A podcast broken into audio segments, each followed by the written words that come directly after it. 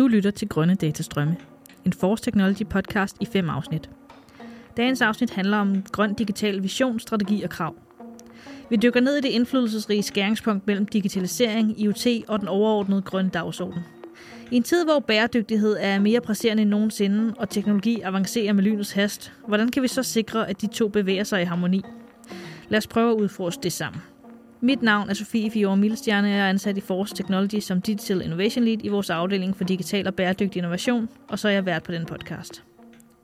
Fremtidens IoT rummer et enormt potentiale for at omforme, hvordan vi organiserer og overvåger produktion, processer og samfund.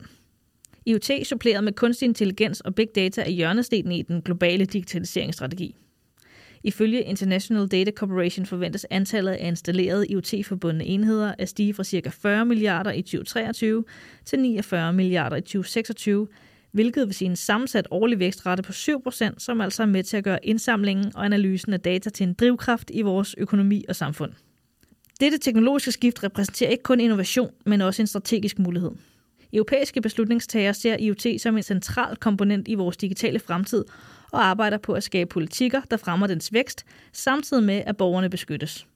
Europakommissionen har vedtaget en række støtteforanstaltninger for at fremskynde udbredelsen af den næste generation af IoT og edge computing og frigøre deres fulde potentiale i Europa til gavn for EU's borgere og virksomheder. Denne indsats for at fusionere politik, strategi og teknologi betyder, at Europa stræber efter at være i spidsen for den digitale transformation, alt imens at vi sikrer en bæredygtig og ansvarlig udvikling. Med mig i dag har jeg Ditte Clausen, Head of Sustainability Advice, og Paul Nord, telepolitisk chef i Dansk Erhverv. Velkommen til, og tak fordi I vil deltage. Vil I ikke fortælle lidt om, hvad jeres baggrund er, og hvorfor emnet har jeres interesse? Du kan lægge ud, Ditte. Jo, det vil jeg rigtig gerne. Øh, jeg har faktisk en baggrund i kommunikation, øhm, men har i de sidste øh, 6-7 år arbejdet med øh, bæredygtighed som mit primære, øh, hvad kan man sige, udgangspunkt for den kommunikation, jeg har arbejdet med. Og der har jeg arbejdet i øh, KMD, som er en IT-virksomhed, og jeg har været forperson for Policy Board for Grøn Omstilling i IT-brancheforeningen, så jeg har arbejdet med det, hvad kan man sige, både fra en enkelt virksomhedsperspektiv, men også på sådan et mere overordnet policy-making-niveau. Og øh, det, der interesserer mig primært i det her, det er, hvad kan man sige, den bæredygtige omstilling, altså den grønne omstilling, og hvordan IT kan understøtte den grønne omstilling og være med til at skabe et bedre samfund, og ikke være en, øh, en del af problemet, hvis man kan sige det sådan. Tak, Ditte. Og Paul, hvad er din baggrund, og hvorfor har emnet din interesse? Jeg har også arbejdet med øh, kommunikation og public affairs i mange år, og så har jeg været de sidste syv år i Dansk Erhverv, hvor jeg har siddet og arbejdet med teleområdet og digitalisering. Og det har så efterhånden bragt mig ind på netop det her område med, hvordan vi kan bruge digitaliseringen til den grønne omstilling. Blandt andet har jeg også været med til, øh, i hør sammen med Ditte, at udarbejde øh, øh, Klimapartnerskabet for Service, IT og Rådgivning, deres øh, anbefalinger til, til regeringen om, hvordan vi kommer i mål med at bruge digitalisering til grøn omstilling. Så fra en masse forskellige øh, veje, så er jeg kommet ind på det her emne og arbejder faktisk også med det lige i øjeblikket, hvor vi vil gerne ligesom genopfriske de anbefalinger, vi havde i Klimapartnerskabet for Service, IT og Rådgivning, og få sat mere tryk på den, øh, den bestræbelse. Tak, Paul. Ditte, du kan eventuelt lægge ud, hvordan øh, ser du, at digitaliseringen af IoT påvirker den grønne dagsorden på både det nationale og det internationale plan?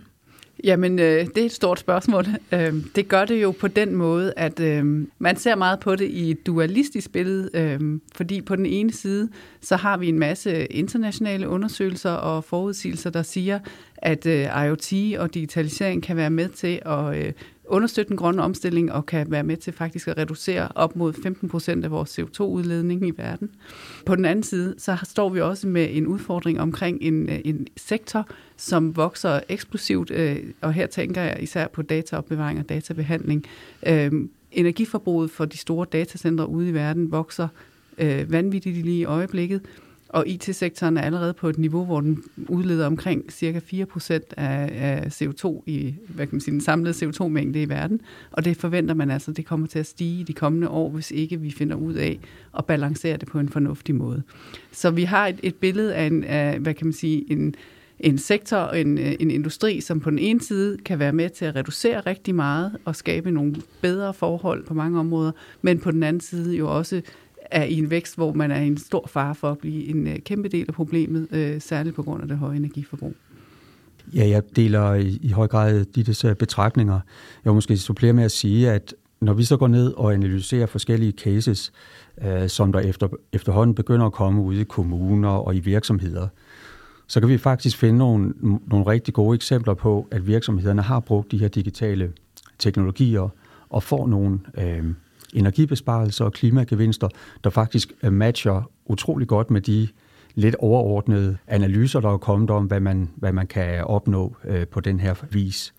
Og det, er, det synes jeg er rigtig interessant, at, at man måske for, også for, for de her tre år siden, da vi lavede klimapartnerskabet, jamen der var det sådan, der var det sådan øh, lidt nogle overordnede vurderinger, men, men nu begynder man faktisk at komme ned på helt konkrete teknologier, og helt konkre- øh, konkrete cases, som dygtige økonomer har været inde og analysere på kryds og tværs, hvor man kan vise, at vi kan faktisk godt opnå de her besparelser. Så på den måde er jeg meget, øh, egentlig meget optimistisk. Helt klart. Og hvordan ser du, Paul, hvordan ser du forholdet mellem dataopbevaring i, i skyen og bæredygtighed, og, og hvordan IoT også spiller en rolle her? Ja, det er helt klart, at øh, altså netop med, du, du nævnte tallene for øh, IoT, udviklingen af IoT, jamen det er jo et udtryk for, at vi opsamler mere og mere data. Så selvfølgelig vil der, øh, vil der være brug for mere databehandling, mere øh, opbevaring af data. Og der er, der er jo så nogle muligheder. Man kan dels øh, øh, begynde at se meget mere på at gemme måske det data, man ikke lige skal bruge i realtid. Det kan man gemme på nogle faste medier. Man kan også øh, komme meget længere med med de ting, som man, man, man arbejder med i industrien, altså nye kølesystemer, øh, bedre, det kan være sådan noget som datakomprimering også, når vi taler om videofiler. Der, der foregår der nogle rigtig gode og spændende ting, så jeg er meget optimistisk, øh, hvad, hvad, hvad det angår. Men det, men det er en indsats, der, der, der kræver øh, blod, sved og tårer derude i virksomhederne, og det, det bliver der altså også lagt i det. Og så øh, lige en sidste ting, det er måske også, at, at noget af det, vi ser ind i, det er, at fra, fra EU's side, der kommer der altså en, øh, en ny ramme, der gør, at datacenter og cloud-leverandører, de skal indlevere data om deres klimaaftryk. Det skal de indlevere allerede fra næste år, maj måned næste år, til sådan en europæisk database over datacenter. Og det gør altså, at man får et sted, hvor man kan gå hen og få nogle, nogle, nogle data om klimaaftrykket for cloud-ydelser og datacenter, der er sammenlignelige. Og det er det helt nye, fordi der har de nok kørt lidt hver sit spor, de forskellige cloud-leverandører, øh, gjort en stor indsats, gjort meget for at give nogle retvisende klimadata, men de har nok gjort det på lidt forskellige måder. Og nu får man altså presset øh, det her ind i et system, der har en ensartet tilgang, og det gør, at man kan begynde at sammenligne sådan ret præcist, er i hvert fald forhåbningen, hvad klimaaftrykket er fra den ene cloud-leverandør til den anden, og fra det ene datacenter til det andet. Det gør, at man kan gå ind og lave konkurrence om, hvem der er mest øh, klima, øh, hvad skal man sige, effektive. Ja, og det er jo tydeligt, at EU har et, et meget øget fokus på bæredygtighed generelt, så vi forventer vel også, at der er strenge regler omkring energiforbruget, både på datacentrene og, og cloudløsningerne, men også på de digitale enheder, og samtidig med, at der skal være databeskyttelse med grønne principper osv. Ditte, hvilke krav og standarder forventer vi, at EU vil indføre i, i relation til den grønne teknologi og IoT de kommende år, og hvilke politiske rammer og partnerskaber vil der være behov for i forhold til det her? Altså lige forløbig øh, kan man sige, der er en af de store udfordringer jo faktisk det her, som Paul også er lidt inde på, at vi har ikke været særlig gode til at øh, sætte nogle rammer op for, hvordan vi måler og vejer klimaudledning fra data.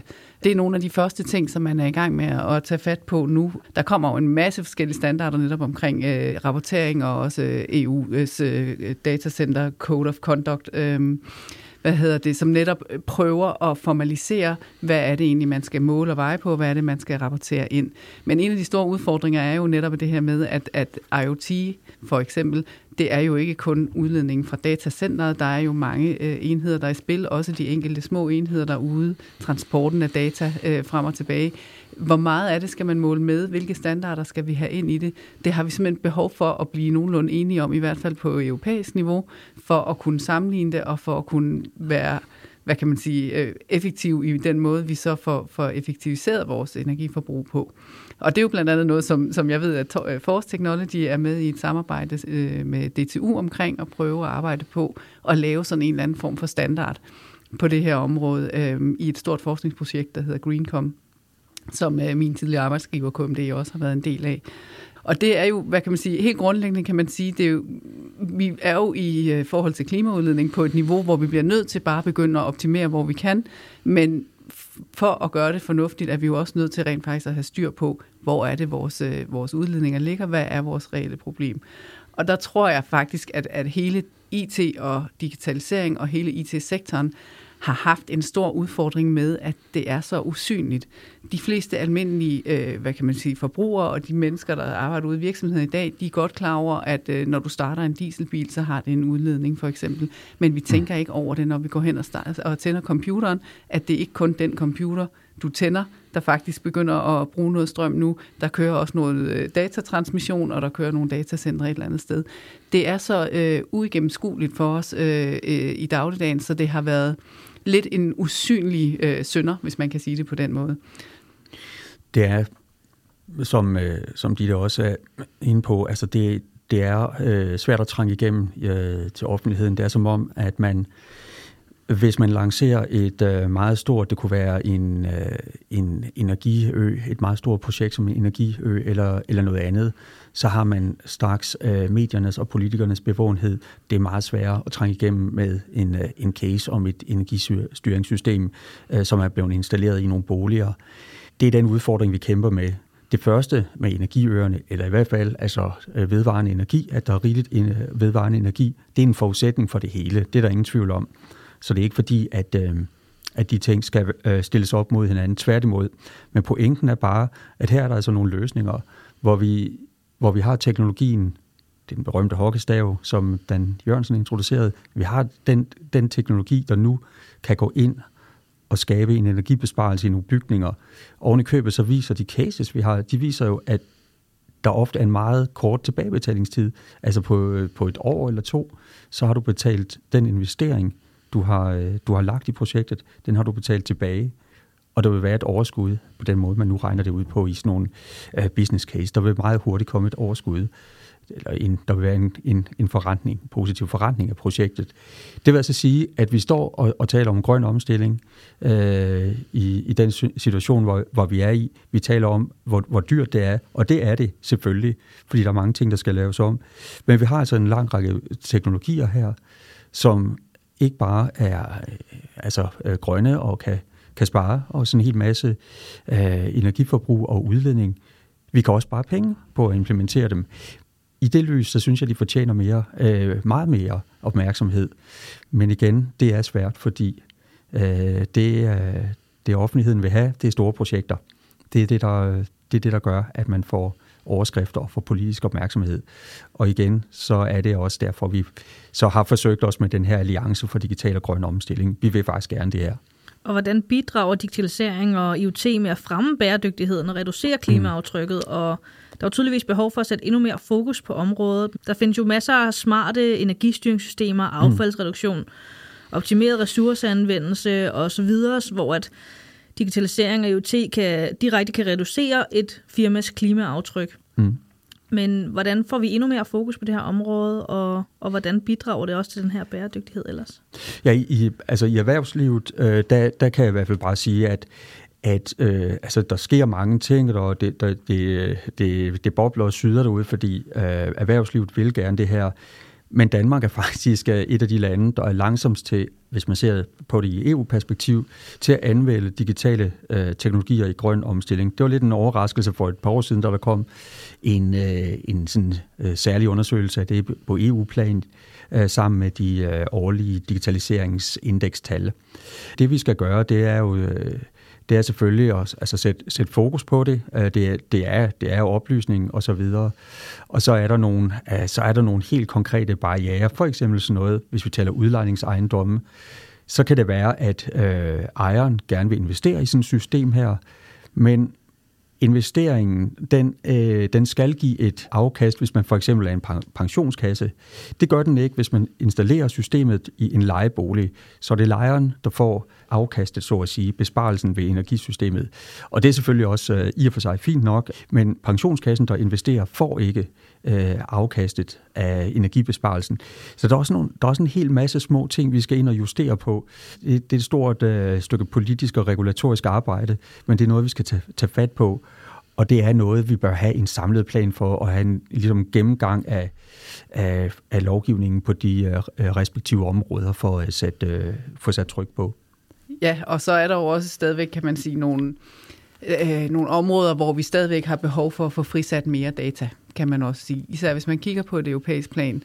Øh, hvis man for eksempel kigger på nogle af de områder, vi ikke har gjort så meget endnu, øh, så kunne det være sådan noget som mobilitet, øh, hvor der er flere, hvad kan man sige, europæiske forskere, der har været inde og kigge på lige præcis den her balance imellem, hvor meget udleder data, og hvor, hvor reelt er det egentlig det her med, at vi også kan få energibesparelser og, og CO2-besparelser ud af det som egentlig stadigvæk øh, kommer frem til, at det kan godt lade sig gøre, hvis, hvis, hvis, vi, hvis vi strammer os lidt an.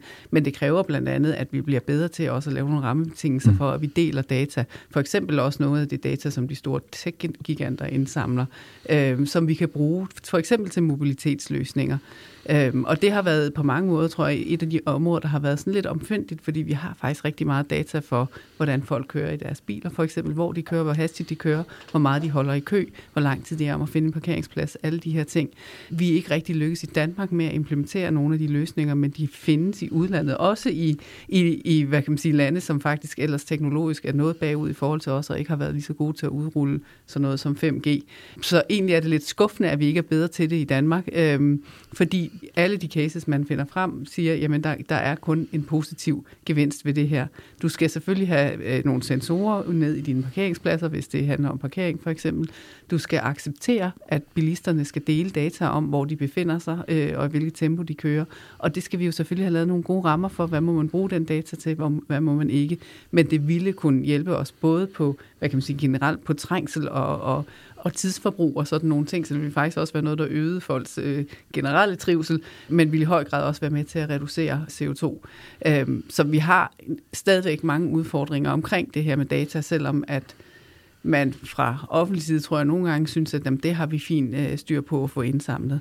Vi er rigtig gode i Danmark til at indsamle energidata, for eksempel. Vi er ikke helt så gode til at anvende det. Jeg synes, et godt eksempel er det her med energikrisen, vi havde sidste år, hvor det pludselig blev nærmest en nationalsport for danskerne at gå ind og kigge i forskellige apps på, hvad priserne på energi var, og så øh, starte vaskemaskinen, når den var lav og så videre. Og det er jo en, en virkelig analog måde at bedrive fleksibilitet på, men øh, det var jo noget, vi sagtens kunne operationalisere og gøre, hvad kan man sige, øh, altså styret digitalt i stedet for, med IoT-løsninger i stedet for. Ja, så Danmark har jo også allerede en, en rimelig stærk position inden for den grønne teknologi, og jeg tænker, at vi kan fortsætte med at styrke den her position yderligere gennem digitalisering af IoT. Øhm, men hvordan kan det her bæredygtige fokus så drive eksportmulighederne for de danske virksomheder i forbindelse med digitalisering, IoT og relaterede teknologier? Hvad skal der til? Altså, jeg tror grundlæggende, man skal huske tilbage på, at øh, sådan noget som, øh, som vores vindmøller, som vi jo er verdensberømt øh, berømt for, øh, er jo også blevet et eksporteventyr, fordi man har valgt at støtte det med nogle meget fordelagtige politiske rammevilkår i Danmark. Og det skal man nok også tænke over i forhold til, hvordan man, man arbejder med sine digitale teknologier. Fordi der er ikke nogen tvivl om, at man er nødt til at få det her i gang og få lavet de gode cases, før man kan skalere det og, og lave det til en rigtig stor forretningssucces. Og det tror jeg desværre, at, øh, at vi er for dårlige til. Det i hvert fald det, som rigtig meget øh, erhvervspolitik øh, har vist, at, at rigtig, vi er rigtig dårlige til at skalere vores øh, dygtige startups på en måde, hvor, hvor øh, de lykkes med det, og samtidig med at blive i Danmark og ikke flytter til udlandet. Øh, så der er helt sikkert masser af udfordringer der. Der, er, der rammer vi nok kanten af min erhvervspolitiske viden, hvordan man præcis skal gøre det. Men der er i hvert fald helt sikkert, at øh, vi er nødt til at tænke i det på en anden måde.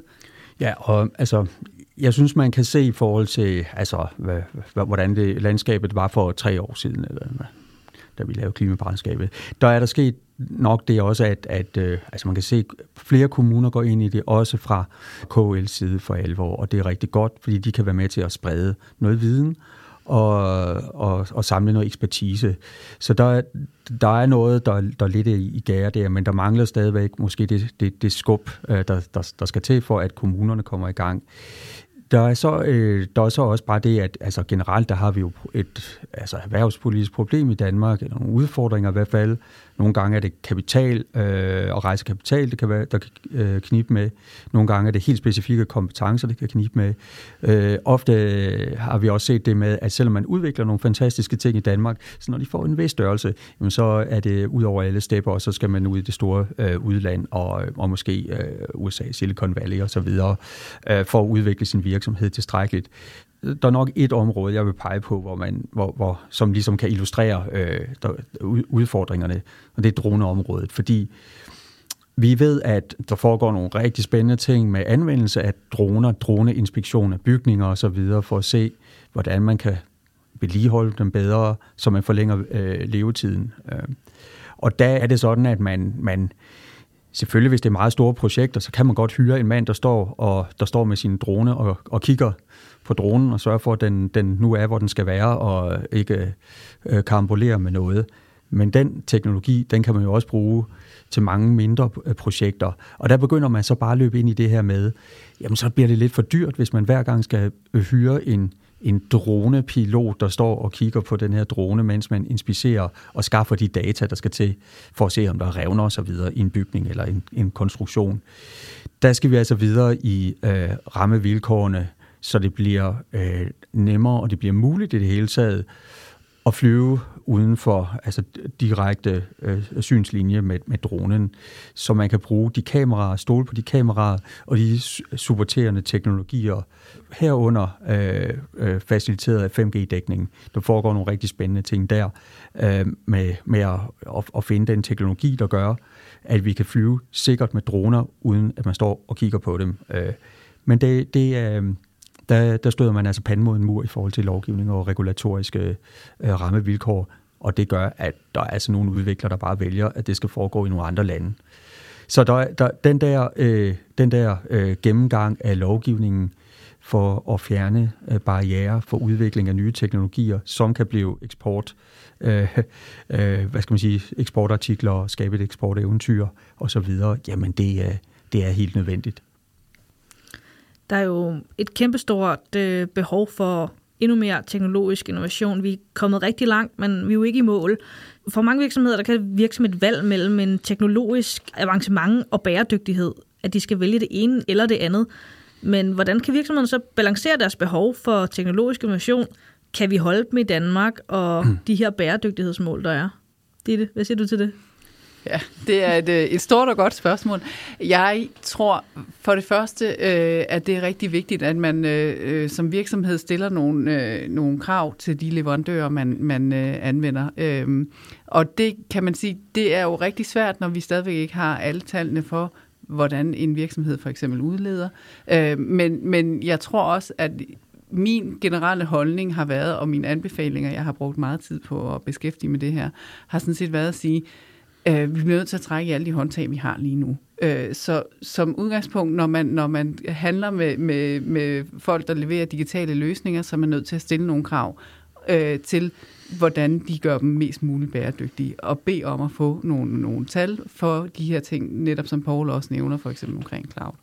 Når det så er sagt, så synes jeg også, det er rigtig vigtigt, at man også går ind og kigger på, og rent faktisk lave sine beregninger af, jamen den, øh, den løsning, jeg så køber, hvilken, hvad kan man sige, positiv impact har den så?